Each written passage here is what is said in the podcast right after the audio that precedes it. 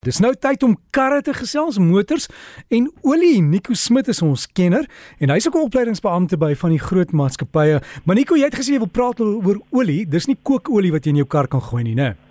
Dis reg, dit is dalk nie 'n goeie idee nie. ja, mens moet dit mens moet dit nooit doen nie, né?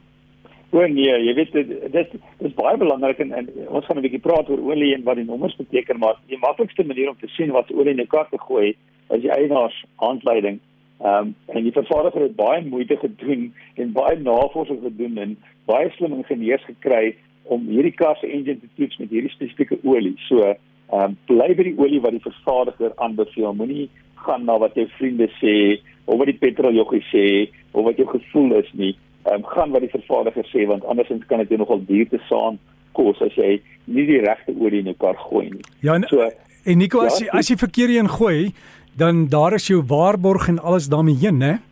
Ja, verseker, verseker. Eh, as jy vervaardig is, as jy 'n probleem het met die engine, ehm um, en die engine, dan kom ons sê jy 10000 kg op 'n engine, dit is skielik 'n probleem. Gaan die vervaardiger verseker kyk na die kar.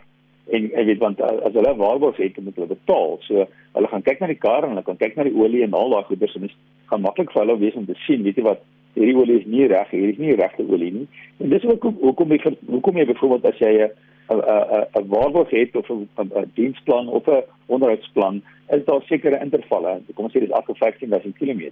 Want die olie verloor sy viskositeit en hy verloor sy vermoë om die engine mooi te smeer.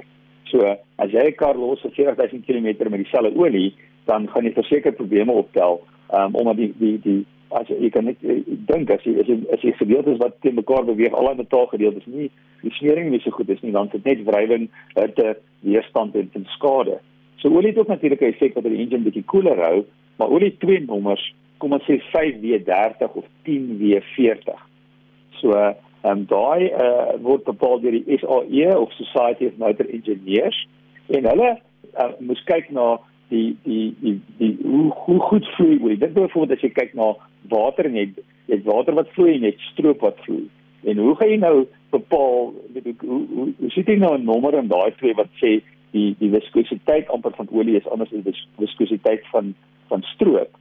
So dit die die hoe dit gemeet word, dit gaan oor die tempo waarin die olie vloei deur 'n standaard opening wat bepaal is teen 'n spesifieke temperatuur. Met ander woorde, as die temperatuur verskil, gaan die vloei en anders wees. Byvoorbeeld gisteraand het my ma net ons tee gedrink en die, en dis baie meer as om my ma die stroop in die yskas. So ag, die stroop die heuning eerder, skus, ja, heuning in die yskas. So as jy die heuning dan um, druk as dit so koud is, dan sukkel dit mak weet moeilik vloei dit moeiliker waar as dit baie warm is. Ehm um, dan vloei daai heuning baie baie makliker. So as jy self met jou engine, ek dink as die engine baie koud is en jy het nou hierdie dik olie wat jy nou probeer om die bewegende dele te smeer, is dit 'n probleem. So daai nommer verwys na die vis viskositeit of in Engels praat hulle eintlik van die weight van die olie wanneer dit vloei teen 100 grade Celsius. So daar's twee nommers. Die eerste nommer is kom ons noem dit 'n koue temperatuur. So as dit baie koud is, ehm um, die 5, kom ons sê 5:30, 5 beteken dat die olie vloei makliker. Uh of die olie is dunner. Die tweede temperatuur, die 30, ehm um, as dit baie warmer is, dan uh, dan vloei die olie dan word die olie effektiewelik dikker. Met ander woorde, hoe hoe hoe die nommer hoe dikker die olie. En dit beteken dan as dit baie koud is in die oggend, dan is dit makliker vir die olie om die, om die bewegende dele in die engine te smeer met ander woorde daar's minder skade en eintlik dit dalk selfs met die brandstofverbruik wanneer daar minder weerstand is. Dan wanneer dit die temperatuur hoër word, dan verander die viskositeit sodat die olie dan nie te dun is nie, dit is makliker die die bewegende dele van die kar smeer. En jy kan ook dink natuurlik is ehm um, uh, as daar te min olie is, is, is daar is daar te min lubrikasie, daar kan skade wees. As daar te veel olie is, is dit ook 'n probleem want jy kan engine, jy kry dan druk wat op in die engine, jy kan seals beskadig.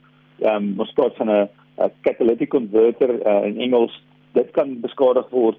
Ehm um, die kar se teen gewoonlik ook rook as daar te veel olie is. So daar's verskillende olies vir petrol of verskillende olie vir diesel.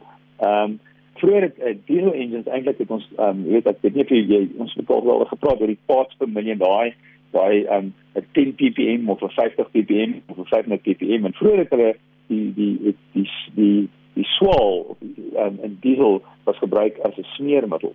Ehm um, maar tans is is dit nie meer die geval nie. So die die einde van die dag weet ek gaan dit is 'n maklike ding as jy wil olie, as jy by die volstasie stop en jy moet olie in die voet gooi en jy's nie seker nie, kyk eerder gou in die eienaarsaanleiding en kyk wat wat word um, wat stel die vervaardiger voor en dis olie om in te gooi en die laaste ding is wanneer jy na die olie kyk, um, moenie 500 km ry of 100 km of selfs 10 km ry en dan kyk na die olie nie. Die ideale ding is wanneer die kar nie beweeg het nie, wanneer die olie stil gestaan het, wanneer jy ry gaan die olie deur die engine beweeg. Met ander woorde, as jy dan 'n lesing neem, kan dit anders wees. So, as jy by die volstasie wil neem, ry stadig tot by die naaste volstasie, wag miskien 'n rukkie en kyk dan na die olie.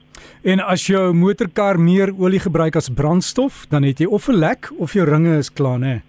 Ja, jy is seker as as jy as jy ja, as as jy begin, daar's weet jy wat die, die vervaardiger het sekere 'n toleransie wat hulle sê, weet jy wat, ek dink miskien maar in 'n 1000 km gaan hy ten minste 500 so uh, 500 ml olie gebruik. So dit eintlik in die eienaarshande gaan vir jou sê, so hulle hulle laat amper toe vir 'n sekere tyd olie gebruik wat nie ideaal is nie, maar dis wat hulle toelaat. So as jy te veel olie begin gebruik, is dit definitief iets om na te kyk.